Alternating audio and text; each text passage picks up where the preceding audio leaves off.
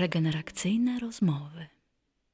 Regeneracyjne rozmowy to podcast, w którym rozmawiam z aktywistami, aktywistkami i osobami aktywistycznymi o wyzwaniach zaangażowania społecznego robionego z pozycji mniejszościowych, z pozycji tożsamości i grup narażonych na ataki. W dzisiejszym odcinku rozmawiamy z gościnią, robiącą bardzo ważne rzeczy, bardzo ważne, zmieniające perspektywę działania. Ale najlepiej chyba będzie, jak przedstawisz się sama. Natalia Skoczylas, grubancypantka z Wingardium Grubiosa, prawniczka. Dzięki Natalia, że przyjęłaś zaproszenie do y, odcinka podcastu Regeneracyjne Rozmowy. Bardzo podziwiam Twoją pracę w, y, grubancypacyjną w tym obszarze. Także jako osoba, y, która y, od właściwie E, wczesnego dzieciństwa. Otrzymuję różne komunikaty na temat nieadekwatności mojego ciała do kulturowych wymogów. Nie jest to główny obszar mojego własnego zaangażowania aktywistycznego, niemniej normy kierowane do kobiet są dla mnie bardzo ważne też w takim aktywizmie feministycznym. I tym bardziej się cieszę, że dzisiaj się możemy spotkać. Chcę zadać Ci takie pytanie, które zadaję wszystkim osobom, które e, przychodzą porozmawiać i spotkać się i powiedzieć o swoich perspektywach w aktywizmie. Czy jest taka osoba, osoby, od których się uczyłaś e, odpoczywać, dbać o siebie? Jest ktoś taki, chcesz powiedzieć? To jest takie niby proste pytanie, ale dla mnie jest bardzo trudne, bo ja w ogóle mam bardzo, bardzo dużą trudność e, z odpoczynkiem. I tak jak sobie myślę o Twoim pytaniu, to widzę jakby dwie kategorie osób, czyli od których mogę się uczyć, bo patrzę, jak one odpoczywają, patrzę, jak one się zachowują, jak reagują, ale też takie, które. Też ta druga grupa, która po prostu daje mi narzędzia, i tutaj mam na myśli głównie moją terapeutkę, bo myślę, że to jest. Mm, byłam w życiu u kilku terapeutek, ale właśnie wobec obecnej terapeutki jestem szczególnie wdzięczna, bo dała mi bardzo dużo narzędzi takich um, docenienia siebie, mm, czułości wobec siebie i pracy nad samoakceptacją, co jest dla mnie jakimś takim, taką kwestią bardzo związaną z możliwością odpoczynku, bo jeśli ja siebie nie szanuję, jeśli ja uważam o sobie bardzo źle, to ja nie zasługuję wtedy za bardzo na, na, Boże, na odpoczynek. E, ale jeśli trochę jednak sobie pozwolę, żeby mieć wobec siebie dobre uczucia, to ten odpoczynek y, może stać się relaksem, może stać się czymś naprawdę odprężającym. Mm, więc tak, to jest taka główna osoba. Y, poza tym, właśnie jeśli chodzi o obserwowanie innych osób, czasami patrzę, jak inne osoby odpoczywają, ale też y, jest tam gdzieś nuta zazdrości z tyłu głowy, dlatego że e, właśnie ja tak mam, że często nie odpoczywam, ale prokrastynuję. Tak, że no, tak, tak to czuję, że to nie jest. E, nawet jak oglądam sobie serial, tak sobie myślę, mam tyle rzeczy do zrobienia, oglądam sobie serial, to skoro już go oglądam, to jakby niech to będzie odpoczynek, niech ja nie myślę o niczym innym, ale to jest dla mnie bardzo trudne e, do osiągnięcia, więc to staje się ani nie praca, powiedzmy, czy tam aktywizm, czy jak, jakieś takie działanie, ani nie odpoczynek, tylko coś pomiędzy. Więc e, czuję, że jeszcze przede mną jest praca, żeby do wykonania nad sobą jakiś wysiłek, żeby tak naprawdę nauczyć się odpoczywać. Mm. Bardzo to jest dla mnie poruszające, co powiedziałaś o tym, że patrzysz na inne osoby i obserwujesz, jak one odpoczywają bo myślę sobie o swojej historii zaangażowania takiego aktywistycznego, że ani nikt mi nie powiedział, że można w aktywizmie odpoczywać i że to też jest kawałek e, zaangażowania społecznego. Ani nie widziałam osób odpoczywających, aktywistek i aktywistów. Że to było mhm. coś, co widziałam później, po pracy, po zaangażowaniu a nie w trakcie. I to modelowanie, to pokazywanie, że można, że to jest część zaangażowania, patrzenie na innych, ta relacja y, uczenia się, że patrzenie na innych jakoś bardzo mi zagrała, zarezonowała, więc dzięki wielkie. To ciekawe. E, tak jak teraz o tym powiedziałaś, czy może ja tego nie mam przypadkiem od e, ludzi, którzy pracują w korporacjach, a nie, a nie robią aktywizm. Może to, to, może to właśnie te osoby znajome e, nauczyły mnie, że przerwa w ciągu dnia może trwać nie wiadomo ile i, i wszystko jest ok. Świat się nie zawala. To Ciekawy jest ciekawe. Wątek. Tak, to jest bardzo, bardzo ciekawe. Mm, ja w ogóle e, dostrzegam jakąś taką potrzebę u siebie, żeby w trzecim sektorze aplikować te dobre rozwiązania ze świata korporacyjnego, którego generalnie nie jestem wielką fanką, -hmm. delikatnie mówiąc. Y, ale tak, kwestie związane z odpoczynkiem, z dobrostanem, y, to są rzeczy, którym można się przyjrzeć też tam. Okej. Okay. A aktywizm. Skoro korporacje to aktywizm, czy ty się identyfikujesz jako aktywistka? Albo działaczka, albo jeszcze ktoś inny. I co to dla ciebie znaczy? Czym ten aktywizm byłby wtedy? Mhm. Mm. Ja mam poczucie, że jestem w jakimś, na jakimś takim rozstaju dróg, e, że byłam e, w różnych miejscach, w kolektywach czy przy inicjatywach jakichś takich jednorazowych e, akcji powiedzmy, i to było dla mnie spełniające i super. I też robię Wingarium Grubiosa. Mm, robiłam też y, profil na Instagramie, który, przy którym no, przy którym właśnie doszło do takiego mm, jakiegoś limitu mojej wytrzymałości. Mm. I to jakby wcale nie dlatego, że y, uznałam, że temat, który prezentuję, czyli Głównie grubancypacja, czyli włączanie grubości do tematów dyskryminacyjnych, przeciwdziałanie tej opresji e, oraz przemoc, przemoc i trauma. E, to są e, te tematy, które tam mm, robiłam i zaczęłam mieć coraz więcej takich spostrzeżeń, że ja po prostu nie nadaję się do tego rodzaju, nazwijmy to aktywizmu, dlatego że jestem za bardzo poważna, za bardzo dużo poważnych kwestii bym tam chciała wcisnąć w taki sposób ostrożny, delikatny. Mm, ale to nie jest to, co się niesie, mm. co zdobywa zasięgi, e, a jednak nie mając zasięgów, e, jakby kiedy ta praca, przynajmniej ja tak mam, że kiedy ta praca jakby nie rozszerza się, nie widzę jakiegoś skutku, nie widzę jakiegoś sensu, przełożenia dla, dla osób, to to jest dla mnie wypalające. To jak nie, nie widzę, żeby ta praca miała sens, tylko że robię tak sama dla siebie, to, to wtedy nie, nie czuję, żeby, żeby to było właśnie na tyle wartościowe, jak ja bym chciała. Mm. Więc tak, więc jestem na takim właśnie rozstaju dróg, zastanawiam się troszeczkę co dalej, szukam czegoś, co będzie sensowne, co przyniesie trwałą zmianę. Yy, I też przyznam, może to jest dobre miejsce, żeby to powiedzieć, że też szukam teamu. Szukam osób, które chcą się zajmować takimi tematami, które chcą zajmować się takimi tematami ze mną. Mhm. Powiedziałaś, ja to tak usłyszałam, e, powiedziałaś o wyzwaniu, jakim jest narzędzie, które potrzebuje intensywności, jakiegoś rodzaju radykalności, a ty mówisz o swojej ostrożności, czy wyważeniu, spokoju, powadze tego, co chcesz wnosić i jak. Jeśli dobrze to słyszę. Tak, to znaczy ja myślę, że ja jestem radykalna w myśli, mhm. nazwijmy to, znaczy, no, właśnie to, to, słowo radykalna też mi się trochę ustawiło przez radykalny feminizm, który się pojawił, z którym się zupełnie nie identyfikuję. E, ale tak, myślę, że jestem radykalna w myśli, ale właśnie ostrożna w działaniu.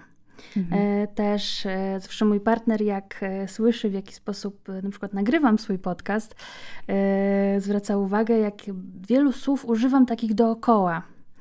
Żeby, żeby nie, nie zrobić generalizacji, żeby nikogo nie pominąć i tak dalej. I jakby myślę, że to jest spoko, robię to dlatego, że uważam, że to jest spoko, ale to może utrudniać odbiór. I też jakby staram się to jakoś znaleźć dla siebie jakąś drogę, żeby móc się komunikować, ale żeby to też było, no, było czytelne. Mhm.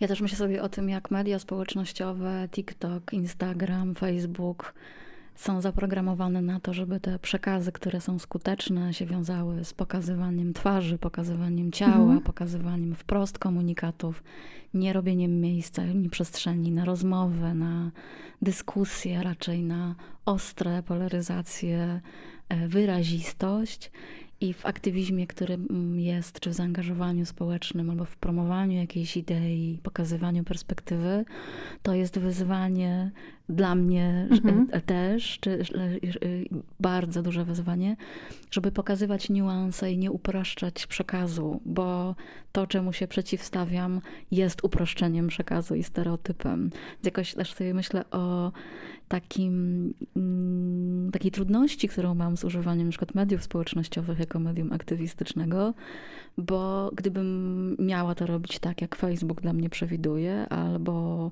oglądalność na Instagramie, to musiałabym nieustannie tam być i ciągle angażować swoją uwagę i ciągle no właśnie dbać albo martwić się o zasięgi, które niosą mój przekaz, żeby to było widoczne. Jakoś też w, w tym widzę sens e, takiej pracy, a jednocześnie to narzędzie jest niezwykle trudne i takie wiąże się z wyzwaniem, jeśli chodzi o oszczędzanie energii i, i e, troskę o siebie.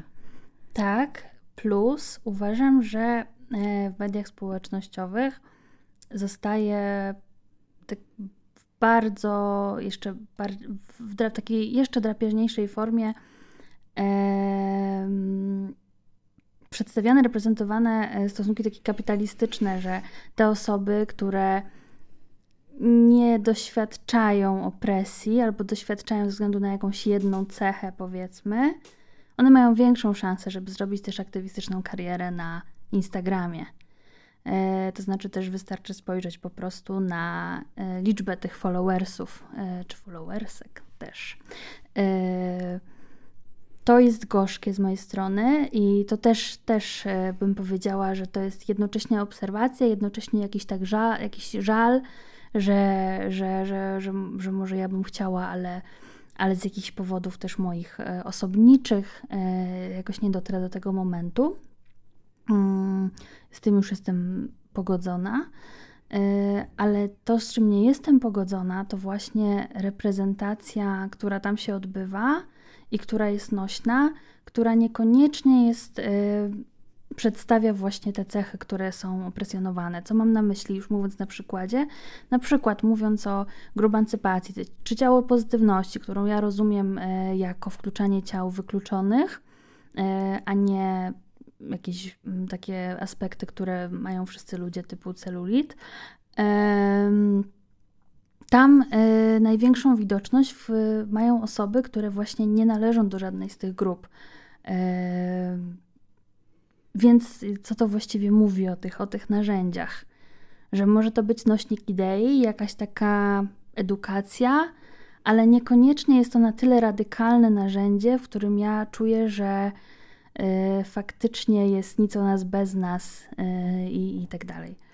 Mhm. Myślę sobie o takim narzędziu bardzo rynkowym przejmowania emancypacyjnych idei i um, przemielania ich na coś, co się ponownie sprzeda. Tak. Jak napisy na koszulkach, że kobiety tak. rządzą, jak tak.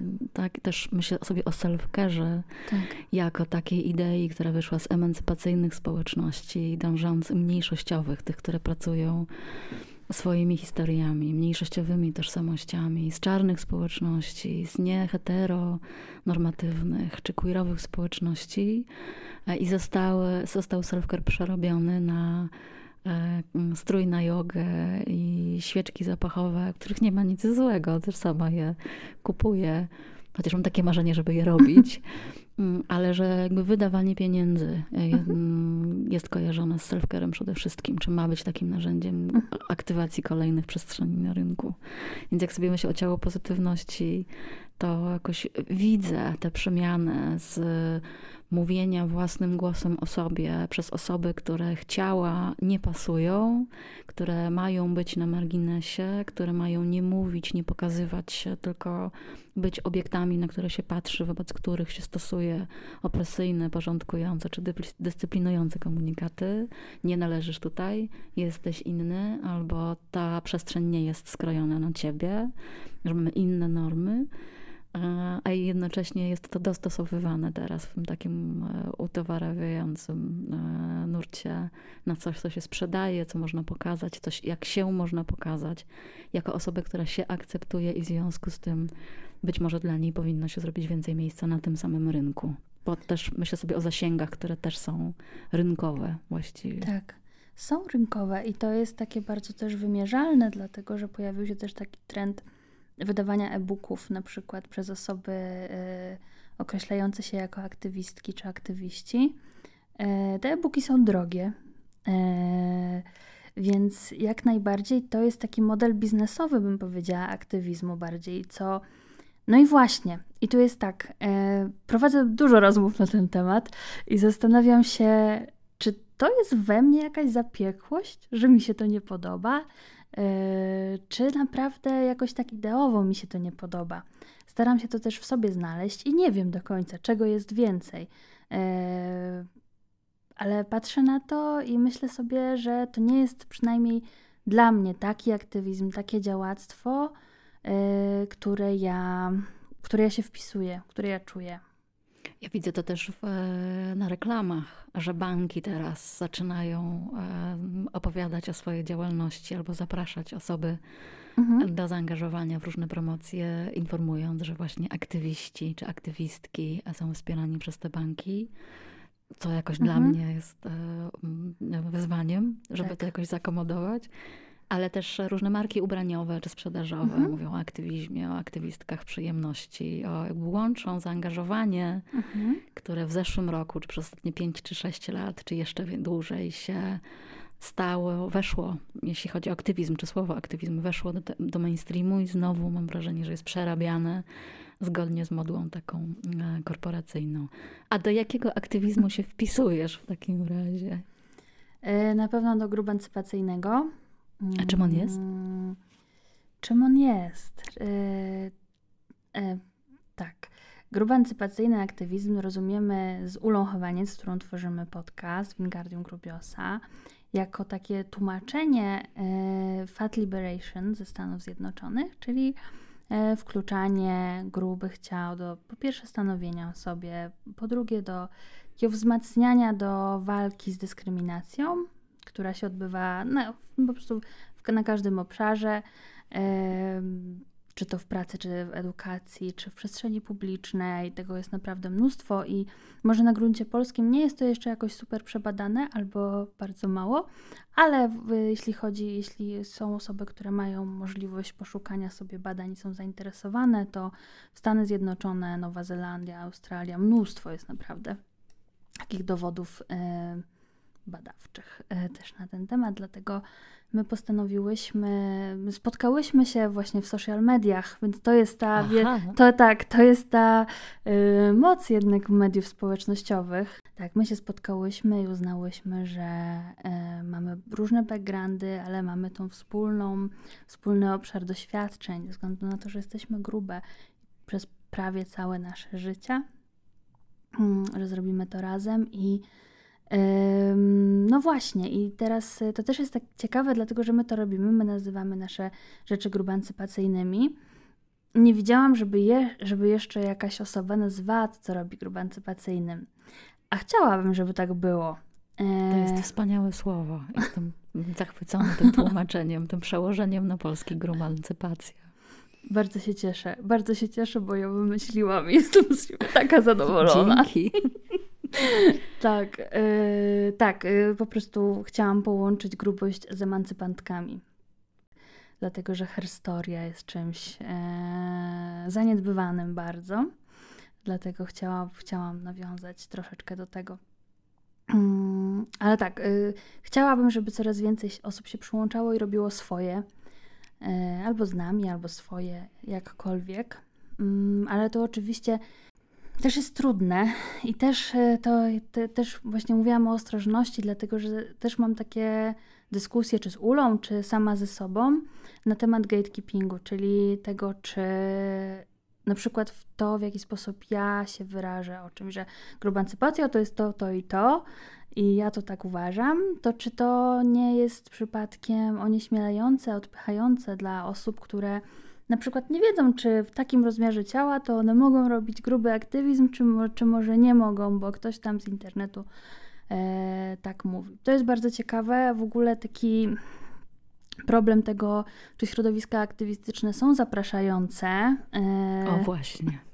To jest. E, no to jest duża rzecz. Dużo o tym też mówi Loretta Ross. Mm, to, to jest bardzo, bardzo polecam zajrzeć do tego, co ona mówi w różnych webinarach i tekstach swoich. To jest jakaś taka duża praca, którą właśnie widzę w community care, w, w trosce społecznościowej, żeby sprawić, że mm, praca aktywistyczna też będzie zapraszająca, że będzie miejsce na rozmowę mimo różnic. Ja ci się wcięłam w którymś momencie, jak zadałam takie mhm. pytanie o tym, jaki jest twój aktywizm, czy jakie jest właśnie to twoje e, zaangażowanie. I ty powiedziałaś, że grupancypacja to jest twój aktywizm, ta, ten obszar, ale może coś jeszcze. Mhm. I ja wtedy, poprosiłam cię o dojaśnienie, ale miałam wrażenie, że tam jest jeszcze inna być może identyfikacja albo coś pogłębiającego. Mhm. W zasadzie do niedawna e, przedstawiałam się, identyfikowałam się jako działaczka e, antyprzemocową. E, przestałam to robić ze względu na to, że po prostu nie pracuję teraz w obszarze przeciwdziałania przemocy. Mm, nie znaczy to jednak, że ten obszar jakoś e, porzuciłam, tylko raczej e, mam takie poczucie, że teraz tego nie robię, więc nie zasługuję na to, żeby tak się określać mimo jakiegoś tam bagażu. Na ten temat też napisałam pracę magisterską, tutaj też właśnie troszeczkę wokół sprawiedliwości naprawczej, dlatego że badałam dopuszczalność mediacji w przypadkach e, przemocy domowej w sprawach karnych z artykułu 207 kodeksu karnego. E, więc właśnie ten aktywizm e, mój chciałabym, żeby chciałabym go zbudować jeszcze na nowo jakoś, albo czerpiąc z tego, co robiłam, i żeby on właśnie łączył grubość, przemoc e, przeciwdziałanie przemocy e, i możliwości naprawcze, transformacyjne, e, jakąś, jakieś zdrowienie. Nie lubię słowa zdrowie, ale tak, ale, ale zdrowienie, powrót do siebie, powrót do bezpieczeństwa albo tworzenie bezpieczeństwa. To są takie obszary. Może one nie muszą występować łącznie, ale, ale chciałabym się nimi zajmować. A jakoś bardzo to, co powiedziałaś o tym, że chcesz budować swój aktywizm albo hmm. budować go na nowo, we mnie też zagrało, bo mam za sobą taki kawałek y, zakończenia pewnego etapu mojego zaangażowania, związanego na przykład z herstorią albo z różnymi innymi działaniami w Krakowie, y, robionymi z Fundacją hmm. Przestrzeń Kobiet i przejścia po dłuższej przerwie związanej z wypaleniem moim y, i różnymi wyzwaniami do takiego zaangażowania na drugiej linii, na, e, nie na barykadzie, nie w, e, w walce bezpośredniej, ale raczej w przejście gdzieś e, do tyłu, na zaplecze. Myślę sobie o tym, że ten aktywizm robiony przez kobiety czy osoby kobiety, kobiece, on też bardzo często jest potraktowany jako aktywizm na zapleczu. Ja jestem na takim zapleczu, z którego nie do końca widać tę pracę, ona jest jednocześnie kluczowa dla wzmacniania całych ruchów czy grup aktywistycznych. Robione oczywiście nie tylko przeze mnie, ale też przez bardzo różne inne osoby, ale w kontekście grup i ruchów i tych dynamik związanych ze sprawiedliwością naprawczą czy transformacyjną, e, też zgadałyśmy się mhm. tym, że to e, chwilę wcześniej, że to nas też e, interesuje. Jak myślisz o tym, co jest przeciążające w aktywizmie, czy w normach aktywistycznych, albo w sposobie włączania czy wykluczania w grupach e, czy społecznościach aktywistycznych, to o czym sobie myślisz? O komunikacji. Aha. Um,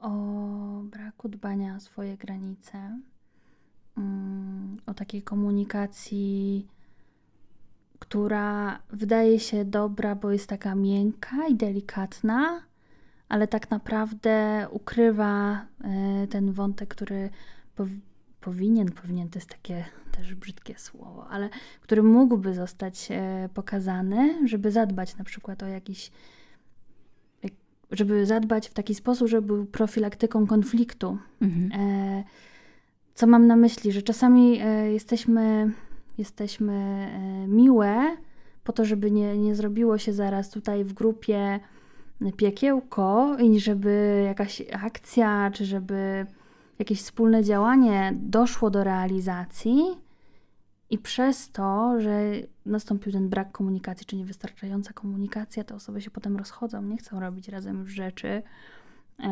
Są zadry, są plotki e, i tak dalej. I to jest bardzo trudne.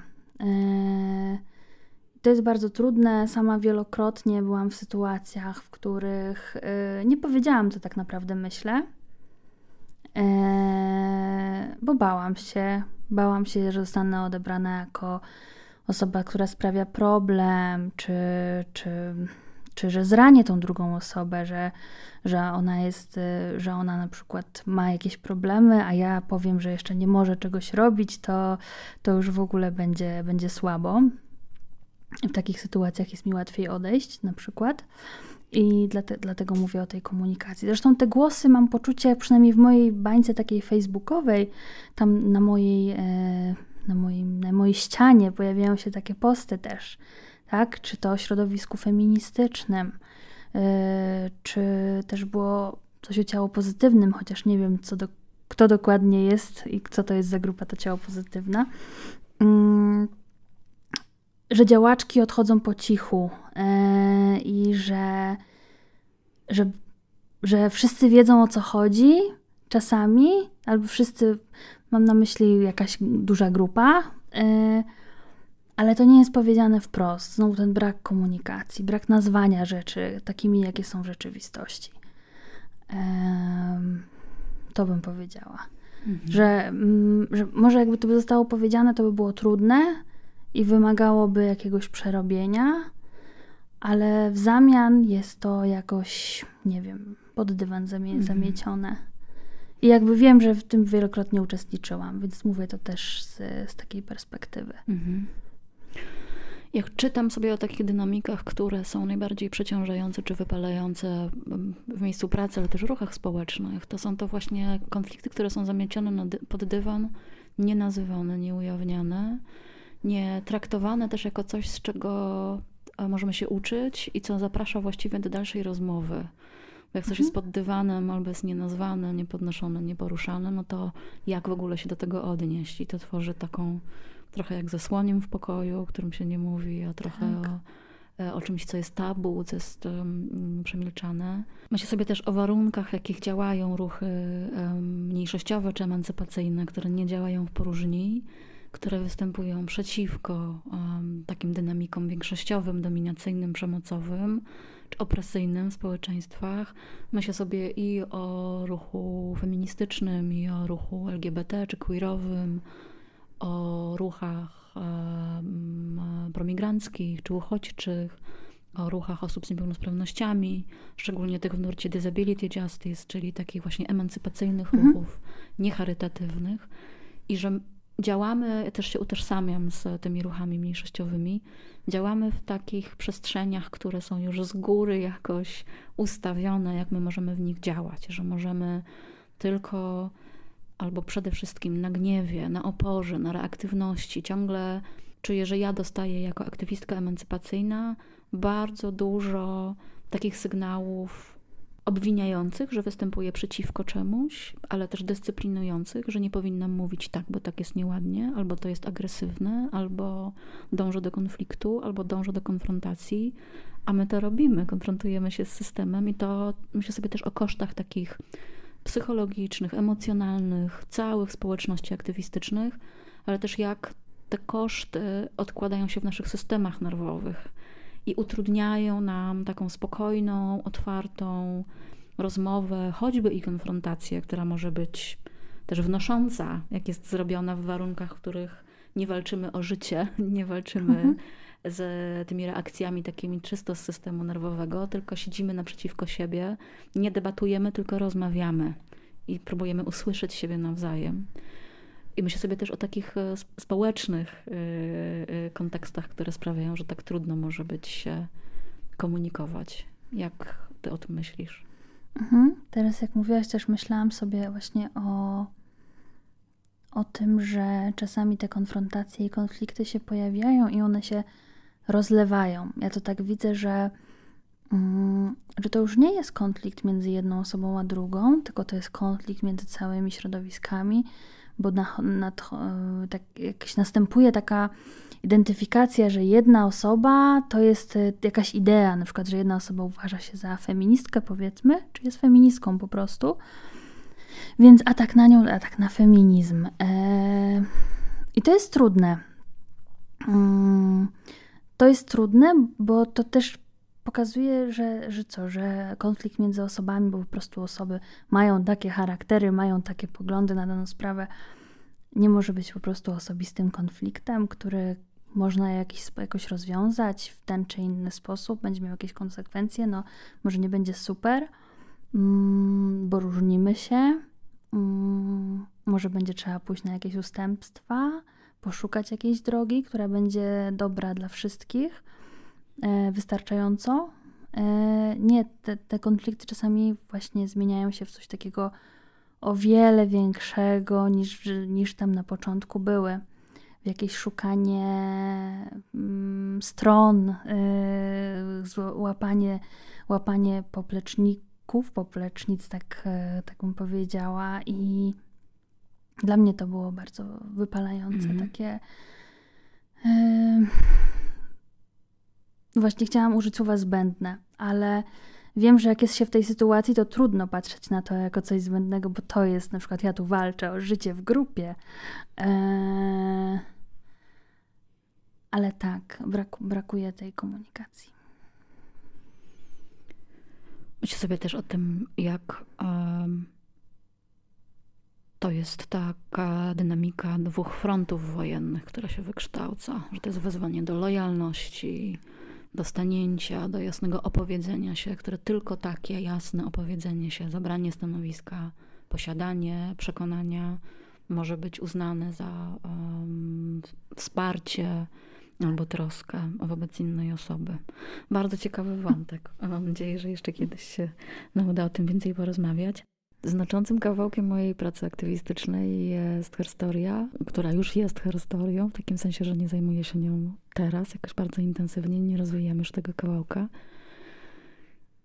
Natomiast to, co bardzo mi zostało z tamtej pracy i z tamtej perspektywy, to jest odwoływanie się do przodkiń, do dorobku innych e, osób, czy innych kobiet szczególnie, do pokazywania mojej drogi aktywistycznej i pokazywania innych kobiet czy innych osób, które, u których się nauczyłam, u których coś zobaczyłam, u których coś przeczytałam, jako moich punktów odniesienia. Nie zawsze oczywiście jest możliwe, ale staram się mówić, do kogo się odwołuję i skąd wzięłam te dane, albo gdzie przeczytałam jakąś mądrość, no bo to jest zwykle mądrość, która do mnie przychodzi, którą znajduję, a nie taka, którą sama wymyśliłam.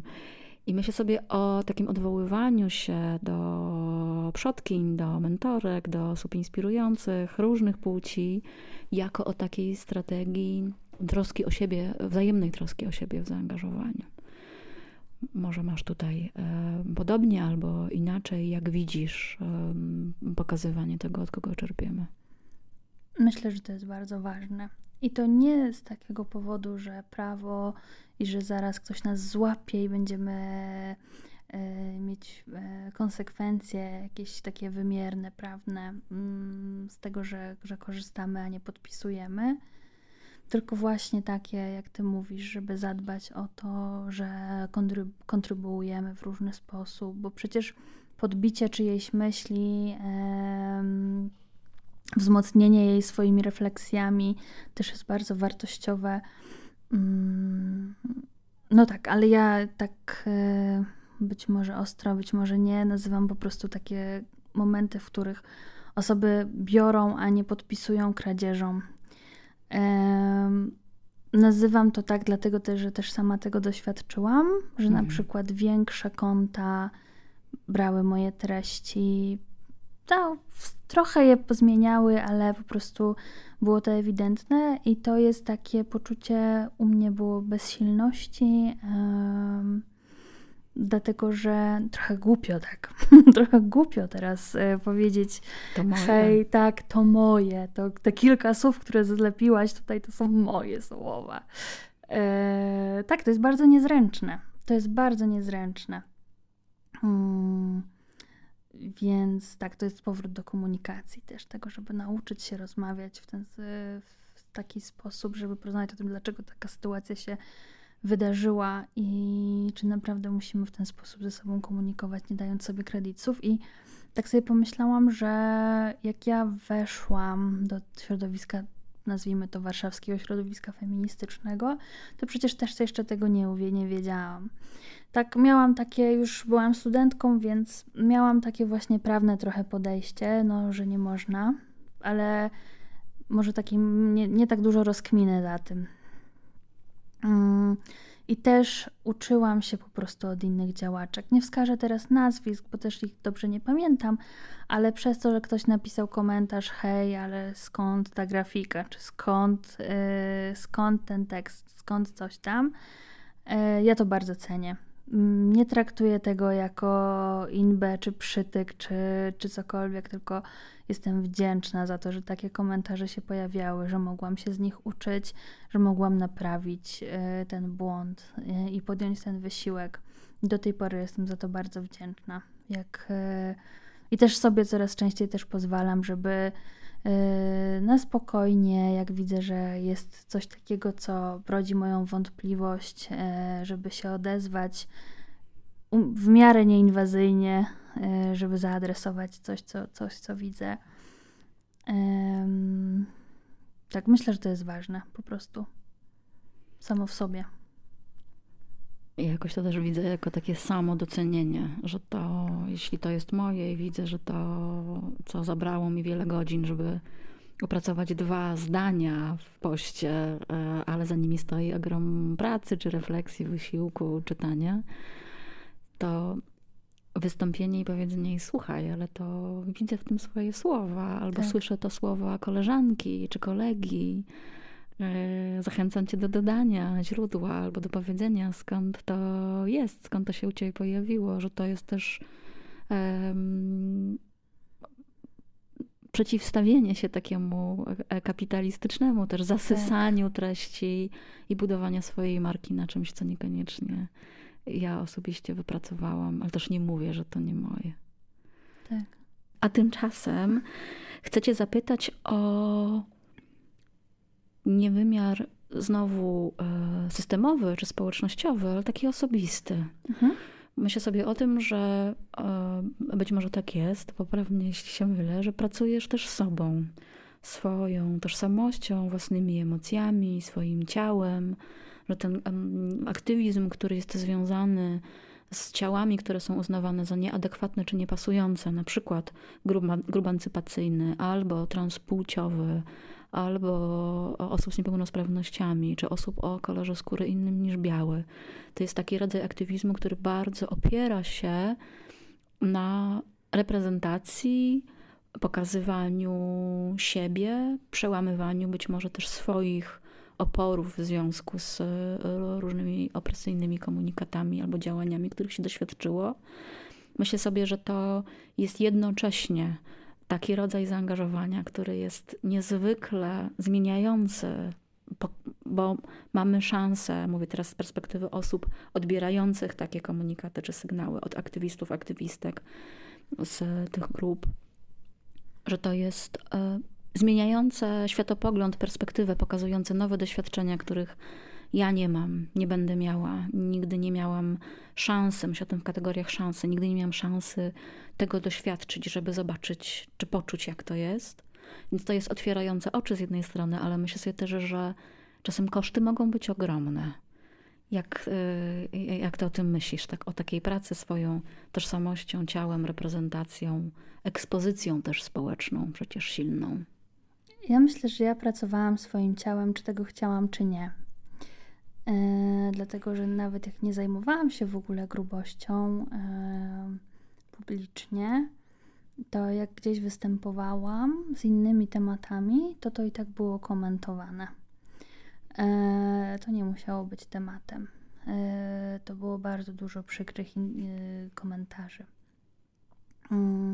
Czy też chociażby na protestach, tak? E, że idziemy na, na, jakąś, na jakąś demonstrację. Mm, fajnie mieć potem zdjęcie po tej demonstracji, że, że się było, że się było ze znajomymi. To jest też pamiątka, powiedzmy. Nie chodzi mi też, nie chodzi mi tutaj o taki aspekt pokazówki czy, czy po jakiegoś pozerstwa, tylko jakiejś pamiątki, że jesteśmy razem, robimy akcje. Ja na taki, ja takich zdjęć unikałam, e, bałam się na nich być nie chciałam na to patrzeć, e, było to dla mnie trudne, mimo że jakby działanie było dla mnie bardzo ważne i jest.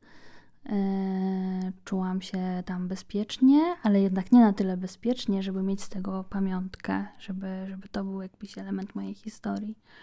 Więc tak czy siak to ciało i tak było. Hmm. I po prostu w pewnym momencie stwierdziłam, że to jest taki temat, na który może w, te, w teorii, może nie znam badań jeszcze, może takich, takich kwestii, których można się douczyć, to jeszcze tego nie mam, ale mam właśnie to swoje doświadczenie mm, i mam swoje obserwacje i mam swoje rozmowy z innymi osobami. Więc przeszłam właśnie do tego rodzaju aktywizmu i tu pojawiło się dla mnie też właśnie pytanie, czy ja mam się pokazywać, czy ja mam pokazywać mhm. swoje ciało nagie, czy ja mam pokazywać swoje ciało jakoś właśnie ubrane konkretnie, czy ja tym ciałem mam yy, działać. I poczułam, że to nie jest dla mnie w tym mhm. momencie. Nie wiem, czy kiedykolwiek będzie, może kiedyś będzie, może nie, ale że to jest dla mnie za duży koszt emocjonalny patrzeć yy, później, yy, widzieć wystawione swoje ciało i, zupełnie nie czuję się w tym, tak jak są czasami aktywistki, aktywiści pokazujące swoje ciało właśnie w takim kontekście, że na przykład kochają to ciało albo nie kochają, ale takie ciało jest super to jest bardzo fajne, bardzo fajne i, i też e, piękne, e, artystyczne, e, ale nie dla mnie. Ja e, zawsze wolałam mm, jednak e, używać słów, i też przeżywam e, teraz taki, taką analizę swoją, czy właśnie na ile wolę, a na ile trochę bym chciała się pokazać, ale troszkę się boję. Jednak, że właśnie, że to, co mówisz o kosztach psychologicznych, to jest, te koszty są nie tylko po tym, jak coś zrobisz, ale też w całym tym procesie, czy coś robić, jak to robić, e, takim badaniem tego, co może się zdarzyć, kiedy to zrobisz, co powiedzą te osoby, co powiedzą te, co powie Twoja rodzina, co powie, czy co zobaczy to Twój były chłopak, czy była dziewczyna. To no, być może niektórzy po prostu wchodzą w to i robią. Ja tak nie mam. Ja przeżyłam w swojej głowie milion scenariuszy. Mm, więc ta ekspozycja, jak już można się domyślić z tego, co mówię, jest po prostu dla mnie bardzo, bardzo duża.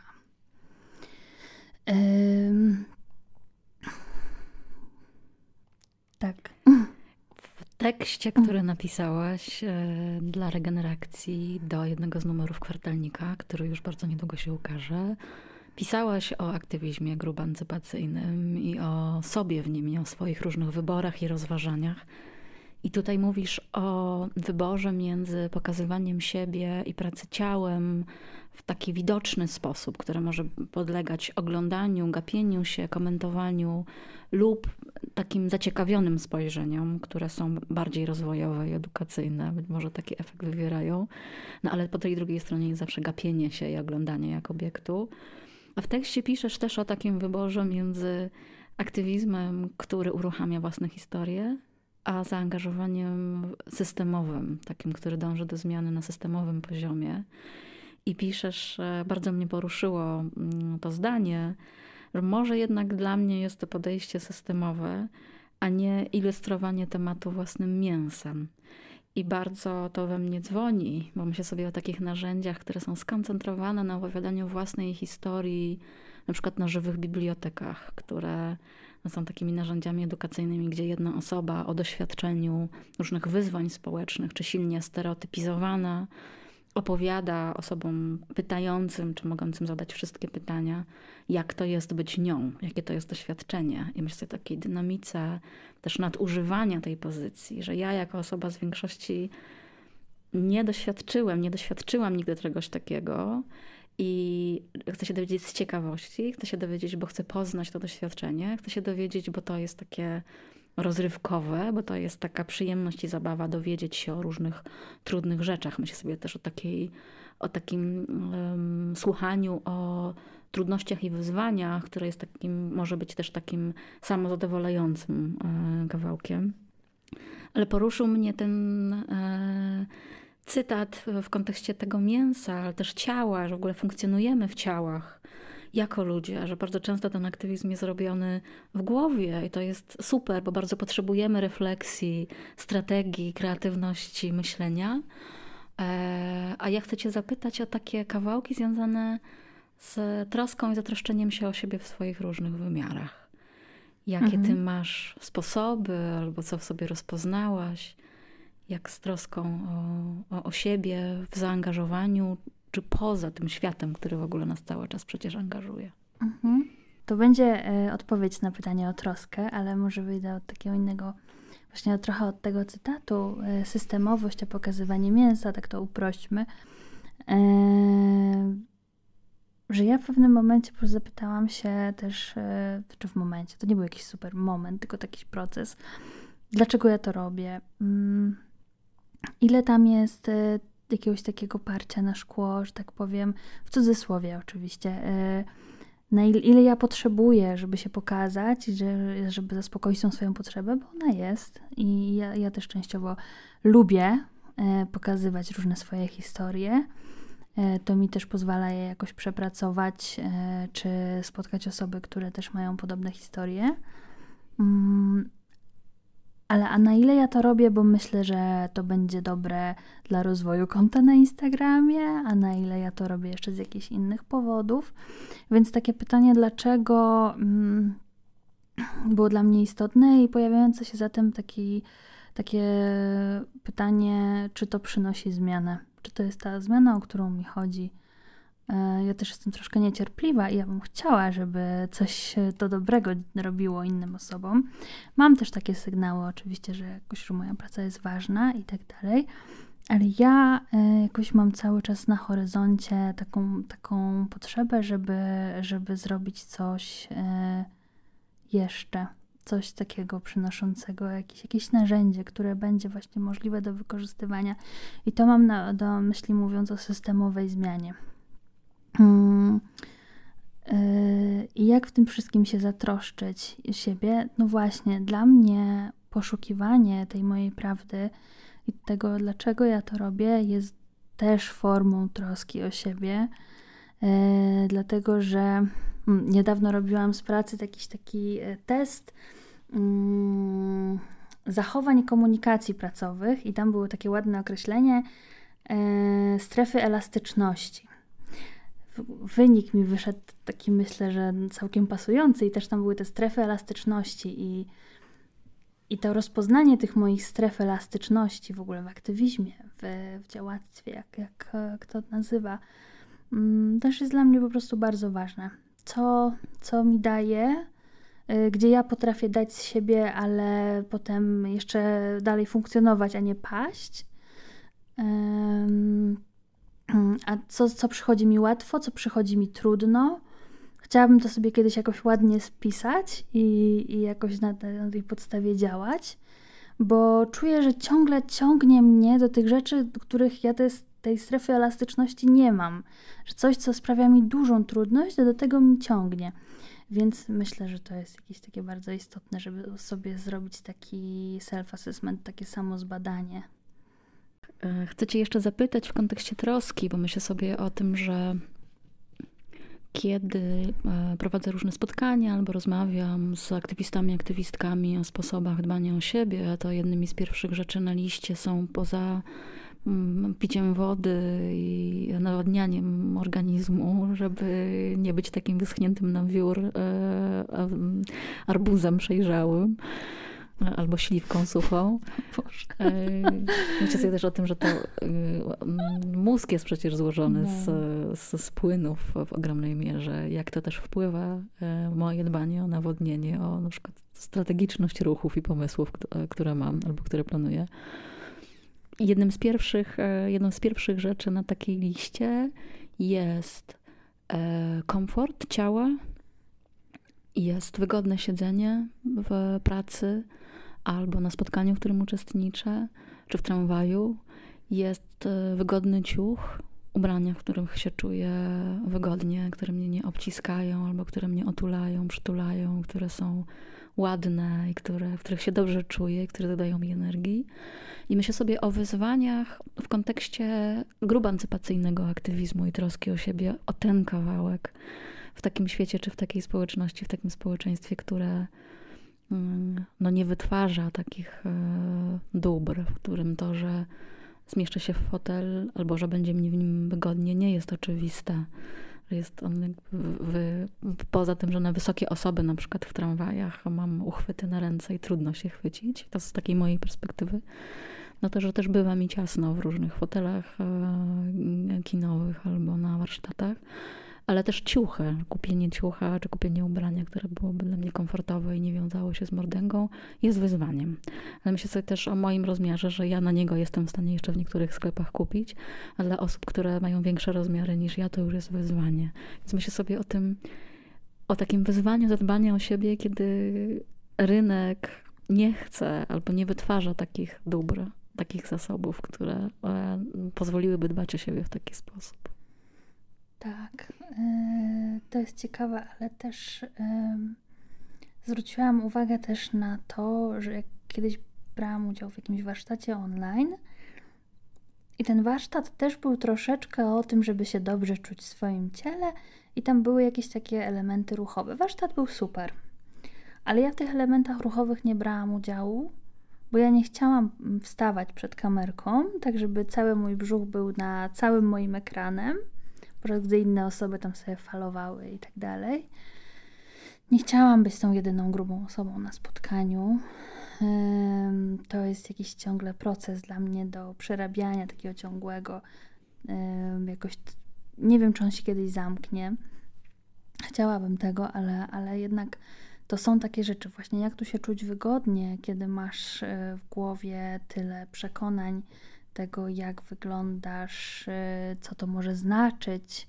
Dlatego, że teraz też powiedziałaś o ciuchach, tak sobie pomyślałam, wygodne ciuchy. E, pomyślałam sobie dresy. E, I też powiedzmy, weźmy na przykład e, osobę kobiety. Szczupła kobieta w dresie wygląda, znaczy jest postrzegana inaczej niż gruba kobieta w dresie. Tutaj w, w tym drugim przypadku by wchodziły w, w grę jakieś stereotypy związane z zaniedbaniem, tak, że nie chce się, leniwa i tak dalej. E, ta pierwsza mogłaby być uznana za po prostu taką modną, no, taki po prostu streetwear. E, więc to są takie bardzo różne aspekty tego. Oczywiście można powiedzieć sobie, że nie, nie będę, się, nie będę w to wchodzić, nie będę się tym przejmować, e, nie, mam, nie mam na to wpływu, nie mam na to kontroli. E, nad tym kontroli, e, będę robić tak, żeby było mi wygodnie. I to jest bardzo wzmacniająca myśl. I dla mnie też wzmacniające są takie momenty, kiedy jestem w stanie sobie powiedzieć, że fuck it, e, robię tak, jak mi jest wygodnie. Mm, pamiętam o wodzie, pamiętam o śnie i tak dalej. I jestem w stanie to wszystko ogarnąć. Mm, no ale nie zawsze się tak prostu nie zawsze mhm. się tak da. I tak myślę sobie o tym, co powiedziałaś, um, też o takim aspekcie karmienia siebie, tak? Odżywczym, e, o jedzeniu. No cóż, to jest trochę utrudnione, kiedy ma się na przykład zaburzenia odżywiania i kiedy reguluje się swoje emocje jedzeniem. E, więc jakby ja, nie chodzi mi o to, żebym teraz zabrzmiała super fatalistycznie, że nie, nie, w ogóle nic się nie da i koniec tylko żeby może dać sobie też jakąś taką cierpliwość yy, i sobie zobaczyć, co pasuje, co nie, na spokojnie. Trochę może zainteresować się też intuicyjnym jedzeniem, intuicyjnym ruchem, żeby może też nie wszystko naraz, nie wszystkie te rzeczy, może najpierw postawić na dobry sen, a dopiero później na całą resztę bo to, bo to też jest wysiłek, jeśli ktoś nie ma nawyków. Ja na przykład nie mam takich nawyków dba, dbania o siebie. Zapominam o wodzie, przypominam sobie, jak boli mnie głowa. E, tak, nie, nie, mam dużo koszmarów, więc nie śpię super. często jestem, jestem taką jakąś osobą i staram się właśnie, staram się pamiętać o tym, że może nie wszystko naraz, że może coś się uda, może jednego dnia się nie uda, to nigdy nie będzie jakieś takie dzieło skończone. Um, nie zawsze będę czuła się dobrze w ubraniu, bo po prostu tak będzie, więc nawet staram się do tego nie dążyć. I jest coraz więcej takich firm, które oferują takie ciuchy. Co prawda nie y, stacjonarnie, ale online'owo faktycznie coraz więcej y, takich, y, takich marek się pojawia, więc polecam. Jakaś zmiana się tutaj wydarza. No powolna. Myślę, że mm. bardzo powolna, e, chociaż tutaj też się pojawia ten temat e, etyka konsumpcji, a kupowanie w swoim rozmiarze. Aha. Jakby ja nie będę firmować e, tych, znaczy promować tych firm, z których ja kupuję, ale często to jest właśnie taki dylemat. Czy kupić sobie ubranie na swój rozmiar, w którym będę się czuła komfortowo, ale to nie jest ubranie szyte tutaj, i, i tak dalej. Więc to są, to, to jest też takie, mm, taki dylemat z zakresu wybierz swoje walki na ten moment po prostu, w którym jesteś. Słyszę cierpliwość, życzliwość do siebie, wybranie swojej walki. E, najpierw jedna rzecz, a potem kolejne, nie wszystkie naraz. Ktoś ciebie inspiruje, e, gdzieś ty zaglądasz w internecie, w gazetach, w książkach, Mówiłaś o Lorecie Ross w kontekście sprawiedliwości tak. transformacyjnej. A ktoś jeszcze coś warto tutaj? Może ktoś odkryje, że właśnie bardzo chce się zaangażować w aktywizm probancypacyjny. Coś Ojejku. polecisz? Mm, no, polecam oczywiście Galanta Lale, z którą współpracuję. E, ona, Ula ma mnóstwo postów, takich właśnie i merytorycznych, i takich o swoich przemyśleniach na bieżąco i takich reakcyjnych. I ma też w sobie dużo szczerości, więc bardzo, bardzo cenię też e, poza tym, że współpracę z Ulą, to, to też czytanie jej treści. Jejku, nigdy nie byłam dobra w przykładach. Zawsze one do mnie przychodzą, a jak już mam pytanie o przykłady, to, to tak się zastanawiam, dlatego że ja się inspiruję wieloma osobami, które znam po prostu, czy to z, z aktywizmu, czy to z pracy, czasami moim partnerem, który jest zupełnie inną osobą niż ja. Po prostu dostrzegam jakieś takie elementy, które podziwiam i kiedyś miałam tak, że po coś podziwiam, to muszę to wdrożyć. Koniecznie muszę to wdrożyć w swoje życie, ono będzie teraz lepsze. Ale teraz troszkę z większym spokojem do tego podchodzę i coś podziwiam, tak się zastanawiam, czy to będzie super, czy nie, czy dobre, czy może tak, może nie. Więc, więc nie mam niestety teraz przykładów, ale, ale yy, polecam rozejrzenie się wokół. Na pewno zachęcam do posłuchania podcastu Wingardium Grubiosa. Yy, moje treści tak czy siak będą na Instagramie Nataszek. Wielkie dzięki i do poczytania w takim razie i posłuchania. Dzięki za zaproszenie do podcastu i za rozmowę. Ten odcinek podcastu powstał w ramach projektu Oddychaj regeneracja aktywistek i aktywistów z mniejszości. Projekt jest realizowany przez Fundację Regeneracja z dotacji programu Aktywni Obywatele Fundusz Krajowy, finansowanego z funduszy EOG. Więcej informacji na stronie projektu oddychaj.regeneracja.pl.